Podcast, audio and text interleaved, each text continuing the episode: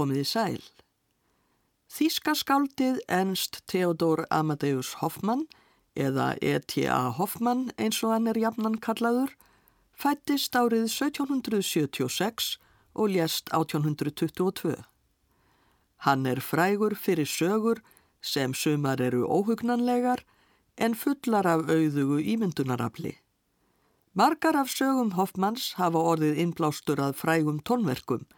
Til dæmis eru ballettin Notubrjóturinn eftir Tchaikovski og pianoverkið Kræsleriana eftir Schumann byggð á sögum og sögupersonum eftir Hoffmann. Fáar sögur hans hafa þó haft jafnmikil áhrif á tónskáld og smásagan Der Sandmann, Sandmaðurinn, sem kom út á brenti árið 1817. Hér í þessum þætti verða nú flutt atriði úr þremur verkum sem sækja einblástur til þessara sögu, en það eru gamanóperan Brúðan í Njúnberg eftir Adolf Adam, ballettin Koppelia eftir Leo Dulíb og óperan Ævintýri Hoffmanns eftir Jacques Offenbach. Í sögunni Sandmaðurinn kemur fyrir vélbrúða sem er svo eðlileg að menn halda hún sé lifandi og ungur maður verður ástfangin af henni. Þetta er nokkuð sem kemur vel út á leiksviði en það eru öll tónverkin sem hér verður fjallaðum sviðsverk. En af þessum þremur verkum er það í rauninni aðeins óperan Ævintýri Hoffmanns sem varðveitir anda hinnar upprunalegu sögu. Höfundar brúðunar í Nundberg og Koppelíu nota aðeins hugmyndina um vélbrúðuna og semja út frá henni allt aðra sögu. Hjá þeim verður verkið að gamansögu, enda er það vissulega fyndið að maður verði ástfangin af vélbrúðu. En þó að ímislegt sé fyndið í sögu Hoffmanns er hún ekki gamansaga í eðli sínu.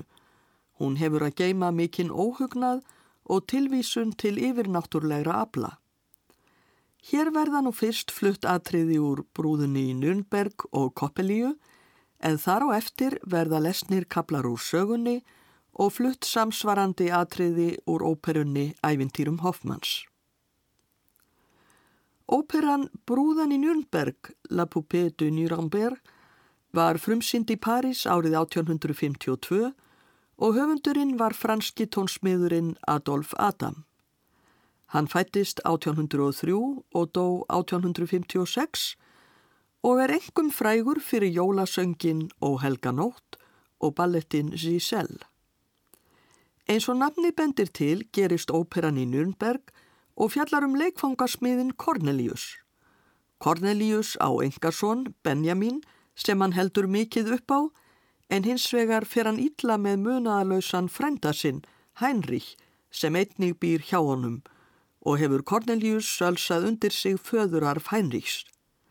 Það er draumur Corneliusar að finna góða eiginkonu handa Benjamin, en honum finnst engin stúlka nógu góð handa honum, svo hann smíðar vélbrúðu sem hann telur sig hafa gætt öllum kostum sem konu megi príða. Aðeins er eftir að blása lífi í vélbrúðuna en það ætlar Cornelius að gera með hjálp gamallar galdrabókar. Samkvæmt bókinni verður það að gerast á óveðusnót. Kvöld eitt fara Cornelius og Benjamin á grímudansleik en Heinrich fær auðvitað ekki að fara með. Hann ætlar hins vegar ekki að sitja eftir og þegar feðgarnir eru farnir fer hann í Mephistófelesarbúning sem hann hefur útvegað sér. Svo kemur Berta, vinkona Heinrichs, sem ætlar á grímuballið með honum. En Berta hefur engan búning og þá dettur Heinrich í hug að nota fött vélbrúðunar. Berta fer í þau og föttin er eins og sniðin á hana. En þá heyra þau að feðgarnir eru að koma heim. Það er nefnilega komið óveður og tilvaldar aðstæður til þess að lífga vélbrúðuna við. Feðgunum bregður yllilega þegar þeir sjá Heinrich. Þeim sínist þetta vera kölski sjálfur, enda er Heinrich búinn eins og skrattinn. Heinrich notar sér þetta, þykist vera kölski og með ægilegum særingum lætur hann vélbrúðuna, það er að segja Bertu, lifna við. Í fyrstu verður Cornelius heiminn lifandi þegar hann sér að vélbrúðan hefur öðlas líf.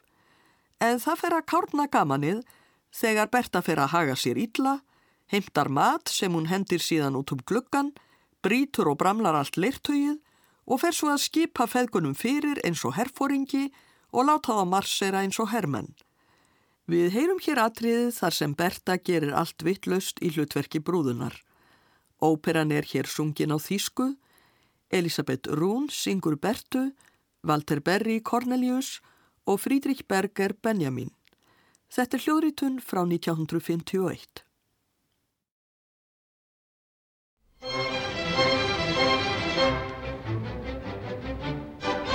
Ich fühl, wie der Zorn mich erfasst, mich besiegt. Bei Gott, ihr Charakter ist gänzlich verfehlt. Steht euch mein Charakter nicht an mir ganz gleich? An dem, der mich schuf, ja an Inhalt gleich. Seid ruhig, mein Vater, vergesset nun nicht, dass ruhig sein hier eure heiligste Pflicht. Mir zum Vergnügen müsst ihr euch schmiegen, in alles fügen, ganz still.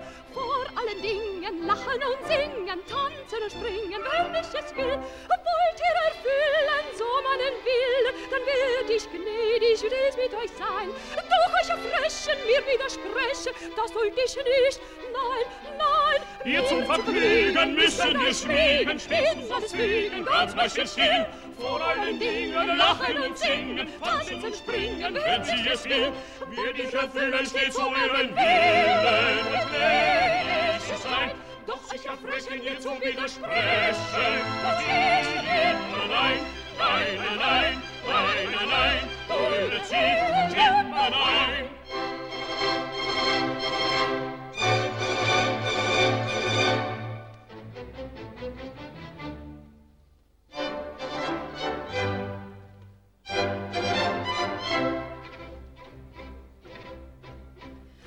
Trommel her, statt mich anzugaffen, nimmt jeder ein Gewehr, ich übe euch in den Waffen. Führe euch zum Sieg in der Liebe wie im Krieg. Wie ein Soldat müsst ihr parieren. Was ich befehle, exekutieren. Richtet euch, steht, Schulter das ich sollte exerzieren. Tu's doch, mein Vater, es ist nicht schwer. Wie ein Soldat parieren. Achtung!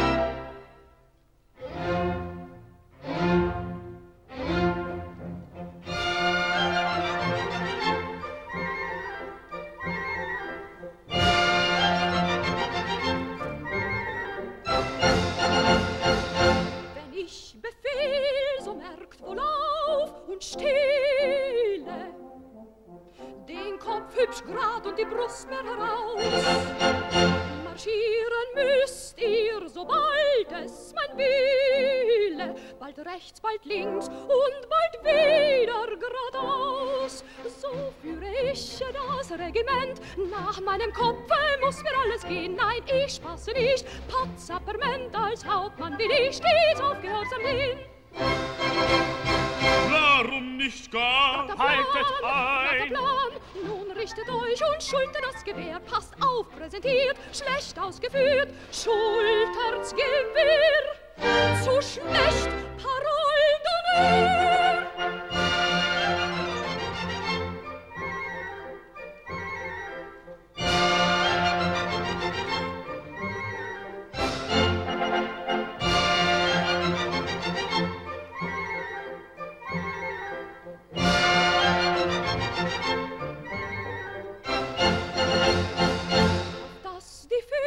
Gleich im Takte gehen. Fehlt die Trompete, ihr schmetternder Ton. Ich blase sie und nun werdet ihr sehen. Bis morgen früh geht es dann besser schon. Traratata, jetzt richtet euch, stille nicht von der Stelle euch gerührt. Trara, also gleich wird mir von euch, was ich kommandiere, pünktlich ausgeführt.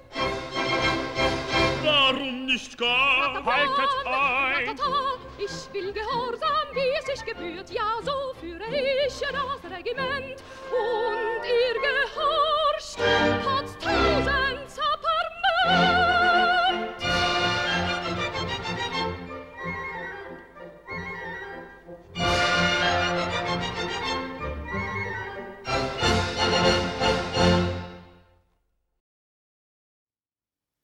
Þetta var atriði úr gamanópurinni Brúðan í Njörnberg eftir Adolf Adam. Elisabeth Rún var í hlutverki Bertu, Walter Berry söng Cornelius og Friedrich Berger Benjamin. Kurt Henner stjórnaði útvarsljómsveitinni í Vín, hljóðritun frá 1951.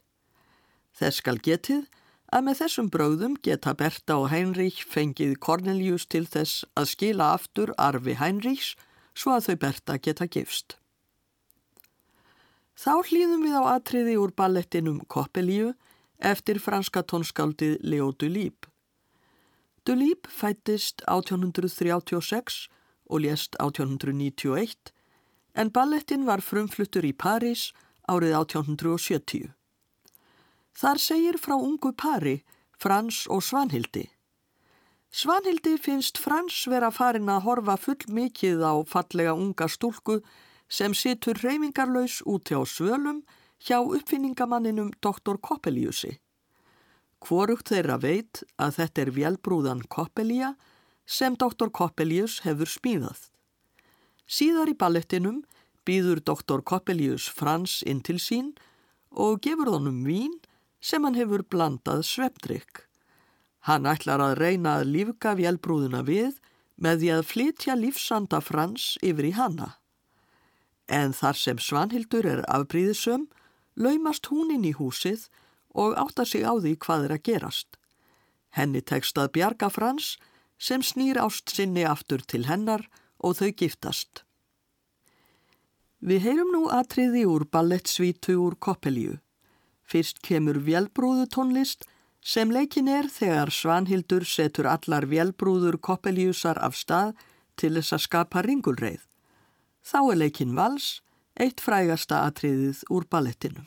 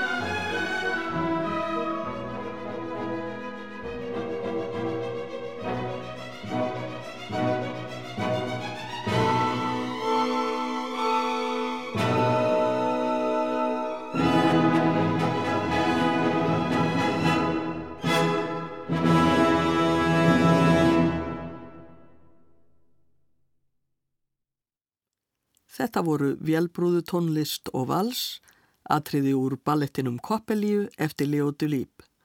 Slovakíska útvarsljómsveitin leg en Ondrej Lenard stjórnaði.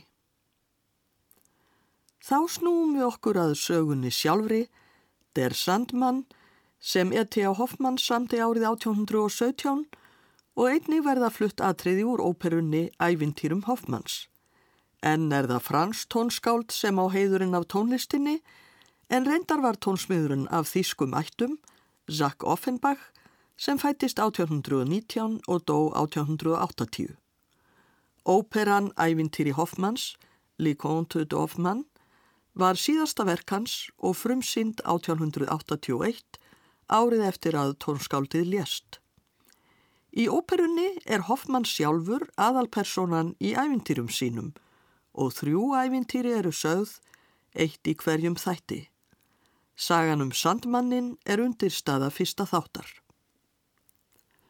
Sagan sjálf hefst á brefi sem aðalpersonan, ungur háskólastúdent að nafni Nathanael, skrifar vini sínum Lótari. Lótar er bróðir Klöru unnustu Nathanaels og Nathanael afsakar að hann hafi ekki skrifað lengi en segir að fyrir því sé ærin ástæða. Nokkuð hræðilegt hafi komið fyrir sig og valdið sér miklum óhug. Í stuttumáli, heið hræðilega atvik sem hendi mig og hafði á mig óheillavænleg áhrif sem ég hef árangurslaust reynt að þurka úr vitund minni, var ekki annað en það að fyrir nokkrum dögum sem sé 30. oktober klukkan 12 á hádegi kom barómeta sölumadur inn í herbergi mitt og bauð mér vörur sínar. Hvað er svona hræðilegt við það að barómeta sölumadur komi og bjóði varning sinn til sölu? Til þess að útskýra það þarf Nathanael að segja frá ímsu úr bersku sinni. Hann átti nokkur sískinni og enda þótt fadir barnanna væri góður við þau var hann stundum fremur fjarræn. Sum kvöldin sat hann einn og þægði og það var einmitt á þeim kvöldum sem móðir barnanna sagði um leið og klukkan sló nýju Flítið ykkur í háttil krakkar, sandmaðurinn er að koma, ég finn það á mér. Alltaf þegar hún sagði þetta, heyrði Nathanael litli hægt og þungt fótatak í steganum. Hann var hrættur við þennan dularfulla sandmann og dag einn spurðan móður sína hver hann væri. Móður hann sagði að það væri engin sandmaður til, Þetta væri bara orðtak og merti að börnin væru sifjuð og gæti ekki haldið augunum opnum, rétt eins og einhver hefði stráðið þau sandi. En þessi skýring náði ekki að sannfæra Nathanael litla, enda skýrði hún ekki fótatakið í steganum. Nathanael spurði því fóstru litlu sýstur sinnar hver sandmaðurinn væri. Æ, Natti litli, sað hún. Veistu það ekki en þá? Hann er vondur maður sem kemur til barna þegar þau vilja ekki fara að sofa og flegir lúku af sandi í augun á þeim, svo að þau klóra sig til blóðs. Þá setur hann þau í pókan sinn og fer með þau upp í hálmánan til að gefa börnum sínum að geta. Þau sitja þar í reyðri sínu og hafa bógin gogg eins og uglur til þess að höggva augun úr óþægum krakka ormum. Nathanael verður skjelvingu lostinn við þessa frásögn og jafnvel þegar hann er orðin svo lítið eldri og skilur að sagan getur ekki verið sönn, heldur hann áfram að óttast sandmannin og tengja hann við hinn dularfulla gest sem kemur stundum til föður hans á kvöldin. Nathanael er líka forvitinn og kvöld eitt félur hann sig í stofu föður síns þegar gesturinn er vandanlegur. Hann sér þá að gesturinn er maður sem hann kannast vel við, lögfræðingurinn Koppelíus. En þessi Koppelíus er einmitt skuggalegur maður, illgjarn og vondur við börnin þegar hann sér sér færi. Og þegar hann kemur auga á Nathanael litla í fylsni sínu og dregur hann fram, líður yfir drengin af skjelvingu. Þegar hann vaknar er Koppelíus farin en ekki fyrir fullt og allt. Hann kemur oftar og fæst við dularfullar efnafræði tilraunir með föður Nathanaels. Kvöld eitt verður ægileg sprenging og í henni ferst fadir Nathanaels. Nathanael og móðir hans eru sannfærðum að Koppelius hafi valdið dauða hans en Koppelius er horfin eins og jörðin hafi gleiftan. Ef ég segi þér nú, kæri vinnur, að barómeta sölumadurinn var engin annar en þessi bölvaði Koppelius, þá láriði mér varla þótt ég telji að hinn skuggalega heimsóknans bóði eitthvað illt. Hann var öðruvísi klættur, en útlitt og andlitsfall Koppeliusar er skýrar greift mér í minni en svo að ég villist á honum og öðrum. Auk þess hefur Koppelius ekki einu sinni breytt um nafn. Hann þykist nú vera vélvirki frá Piemonte og kallar sig Giuseppe Coppola. Nathanael finnst eitthvað illt og yfirnáttúrlegt við Koppelius en Klara unnustans og Lótar bróðir hennar eru á því að hann láti ímyndunarablið stjórna sér um of. Klara skrifar honum að sennilega hafi fadir hans og Koppelius stundað gullgerð og dauði föður hans hafi einfallega verið slís eins og orðið geti við slíkar tilraunir. Klara býður Nathanael að hætta að hugsa um þennan Koppelius eða Koppola, hann sé bara venjulegur maður. Nathanael róast nokkuð við þetta og skömmu síðar kynnist hann í tölskum efnafræðiprofessor sem heitir Spallanzani og segist hafa þekkt sölumannin Koppola í mörg ár, svo Nathanael álíktar að Koppola geti þrátt fyrir allt ekki verið Koppelius. Sámaður var þjóðvergi en ekki Ítali. Einu sinni þegar Nathanael er að fara á fyrirlestur hjá Spallanzani sér hann í gegnum hálfvopnar dyr undur fagra stúlku sem situr við borð. Hann fær síðar að vita að þetta sé Ólimpía, dóttir Spallanzanis, en hún fari aldrei út á meðal fólks af einhverjum ástæðum. En þó að Nathanael segist ekki ætla að hugsa meirum Koppelius, kemur það í ljós í næstu heimsóknans til klöru og lótars að hann er breyttur. Óhugnanlegar hugleiðingar gagtaka hugans. Hann hefur fengist við að skrifa sögur og þær verða nú fullar af hryllingi. Þegar hann les þær fyrir klöru, getur hún ekki lengt því að henni geðjast ekki að þeim. Einn sagan gengur svo fram af henni að hún byður Nathanael að flegja í eldin. Við þetta rindi Nathanael klöru frá sér, stökk upp bálreiður og efti líflösa bölvaða vélbrúða. Hann þauðt burt og skildi klöru eftir grátandi í öngum sínum.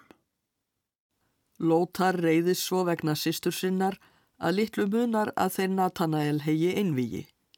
En klöru tekst að fá þá ofan af því og Nathanael virðist nú koma til sjálfsín. Hann byður klöru fyrirgemningar og allt gengur vel í nokkra daga. Svo þarf Nathanael að fara aftur til háskólabæjarins. Hann tekur á leigu nýtt herbergi sem reynist vera beint á móti íbúð Spallanzanis. Oft sér Nathanael hinn að fagru Ólimpíu innum gluggan sem er beint á móti hans glugga og þrátt fyrir ást hans á klöru hrifstann af Ólimpíu.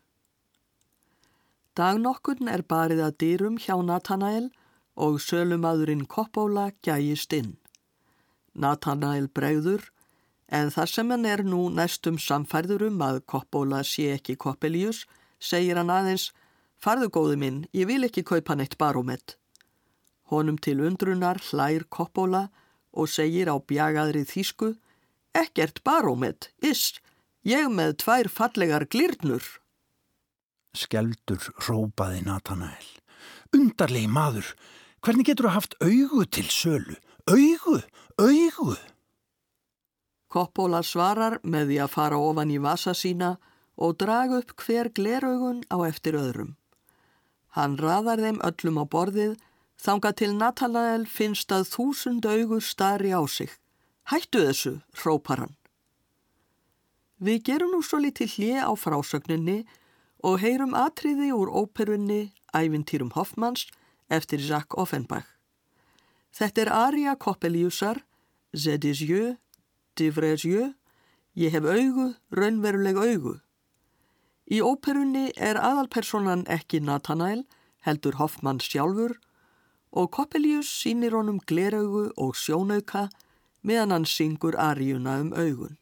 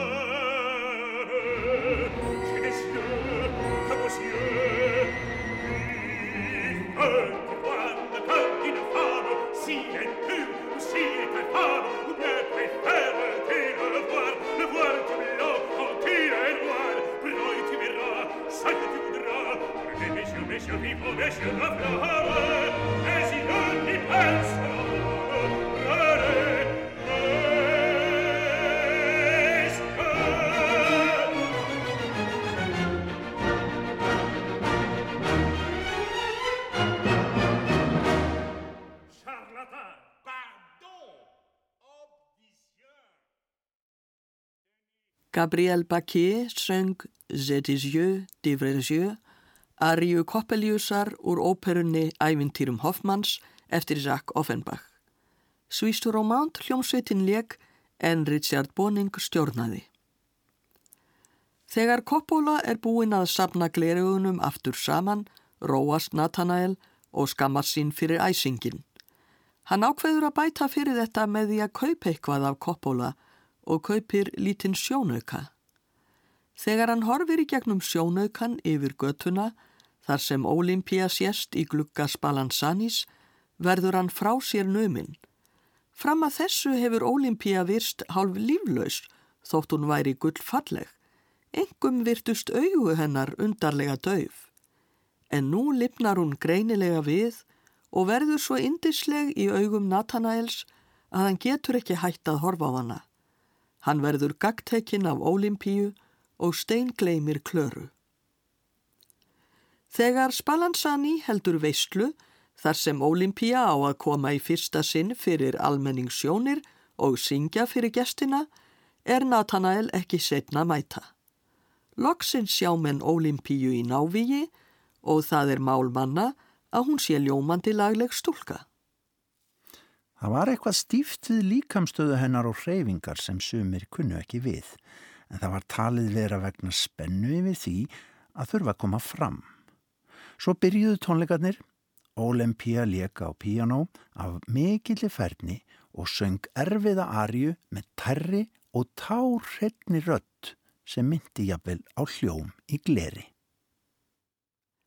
Og við skulum nú hlýða á Ariu Olympíu eins og hún hljómar í óperunni Ævintýri Hoffmanns.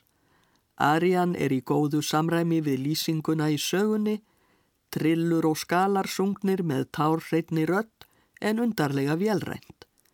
Tvísvar virðist söngurinn ætlað að hætta en Spalansani flýtir sér þá að trekja brúðuna upp svo að lítið beri á og hún tekur aftur til við söngin. Joan Sutherland syngur Les oiseaux dans la charmille, Ariu Olympíu úr óperunni Ævintýrum Hoffmanns eftir Jacques Offenbach.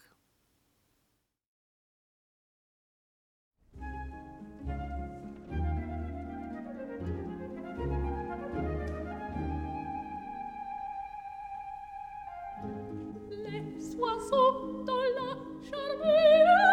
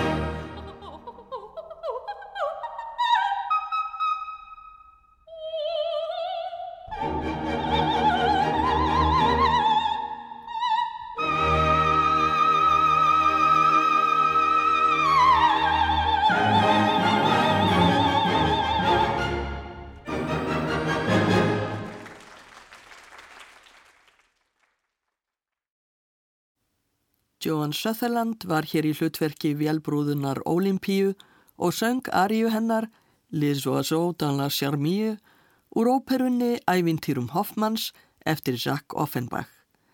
Einni heyrði staðins í Jacques Charon í hlutverki Spallanzanis. Swiss Romand kórin söng og Richard Boning stjórnaði Swiss Romand hljómsveitinni. Nathanael er í sælu vímu þegar ballið hefst og hann fær að dansa við Ólimpíu. Í fyrstu finnst honum hönd hennar reyndar óhugnanlega köld, en þar sem hann brennur af ást, hættir hann brátt að taka eftir því. Dans Ólimpíu er svo taktfastur að Nathanael á í svo litlum vandræðum með að vera í takt við hana. Þegar þau setjast hlið við hlið, játar Nathanael henni ást sína, en Ólimpíu svarar aðeins ó, ó. Þetta er eina svarennar hvað sem Nathanael segir en honum er sama, Ólimpía er í hans augum dásamlegasta stúlka í heimi. Honum til gleði segir Spallanzani að hann megir heimsækja dóttur sína hvenar sem hann vilji. Nathanael heimsækir Ólimpíu daglega og les nú fyrir hana, sögurnar og ljóðin sem hann hafði áður lesið fyrir klöru en hann hafði aldrei áður haft svona dásamlegan hlustanda. Hún var ekki að sauma út eða prjóna, hún leiti ekki út um gluggan, hún var ekki að gefa fugglum, hún leiki ekki við kísur eða kjölturakka, hún var ekki að klippa út pappir eða gera eitthvað með höndunum. Hún var ekki að kæfa niður geispa með uppgerðar hósta. Í stuttumáli starði hún staðfastlega í augu ástvinar síns án þessa íða eða reyfa sig og augnatillit hennar varð sífælt líflegra og áhrifa meira. Aðeins þegar Nathanael stóð loks og fætur og kisti höndinar eða jafnvel munninar svarað hann ó, ó og síðan góða nótt elskan mín. Ó, fagri djúbi andi, rópaði Nathanael þegar hann var komin heim til sín. Aðeins þú, þú einn, skilur mig fullkomlega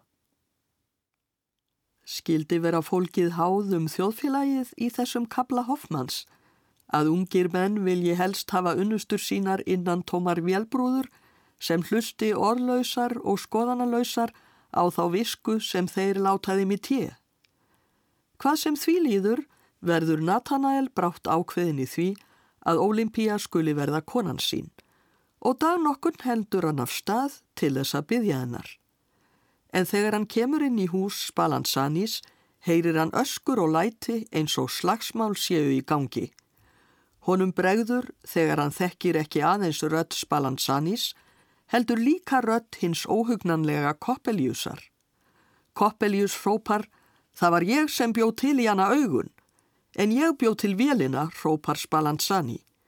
Og þegar Nathanael kemur inn í herbergið, sér hann að Coppola og Spalansani eru að tógast á um hans heittelskuðu ólimpíu. Hann ætlar að bjarga stúlkunni úr handum þeirra, en þá tekst Coppola að rífa hana til sín og um leið og hann æðir út með Ólimpíu hrindir hann Nathanael svo hann dettur. Dasaður stóð Nathanael á fætur. Hann hafði séð allt of greinilega að náföld vaks andlit Ólimpíu hafði engin augu, heldur aðeins hólar augnadóttir. Hún var líflaus brúða. Þetta er svo mikið áfall að Nathanael missir vitið um stund og er fárveikur lengi. Þegar hann kemur loksins til sjálfsín er hann í rúmi heima hjá sér og móðir hans, Klara og Lótar eru hjá honum. Í óperu Offenbachs uppgöt var Hoffmann sannleikan í lok veislunar hjá Spallanzani. Við heyrum nú lokaatriði þáttarins. Hoffmann og Olympia dansa saman En mönnum líst ekki á blíkuna þegar Ólimpíja dansa hraðar og hraðar.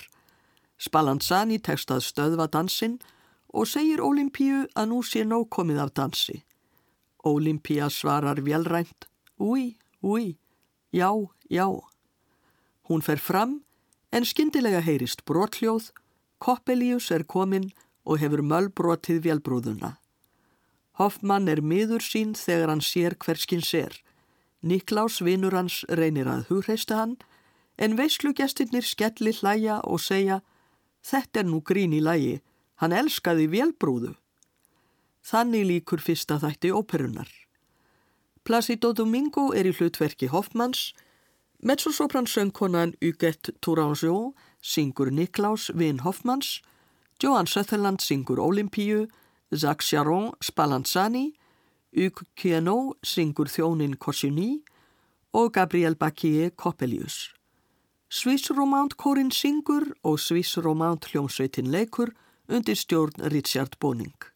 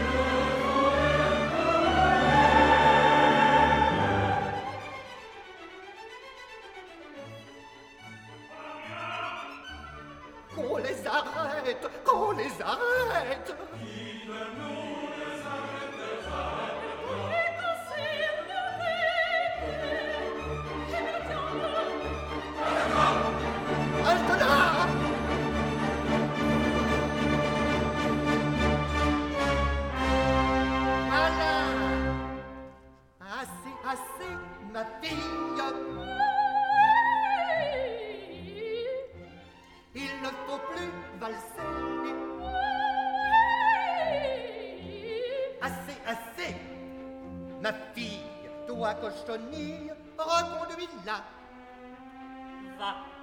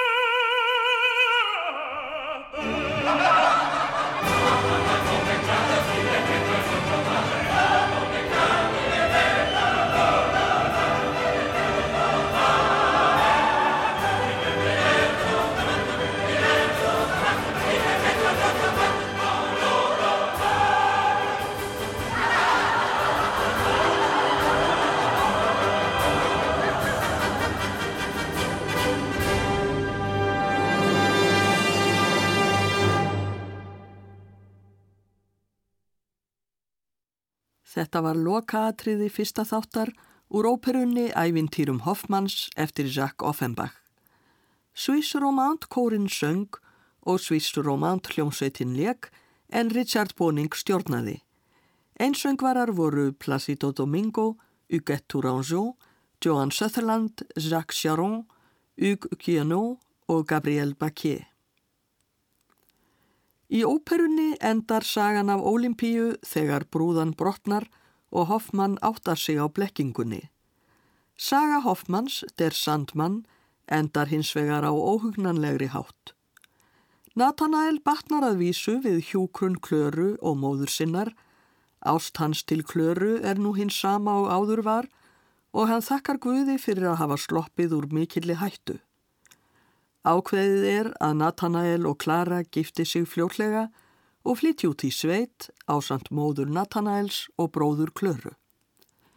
En daginn sem tilstendur að flytja fara Klara og Nathanael upp í turn í borginni til þess að horfa í síðasta skipti á hið kunnuglega útsýni. Sjáðu þennan litla skrítna gráa runna sem verðist smám saman vera nálgast, saði Klara.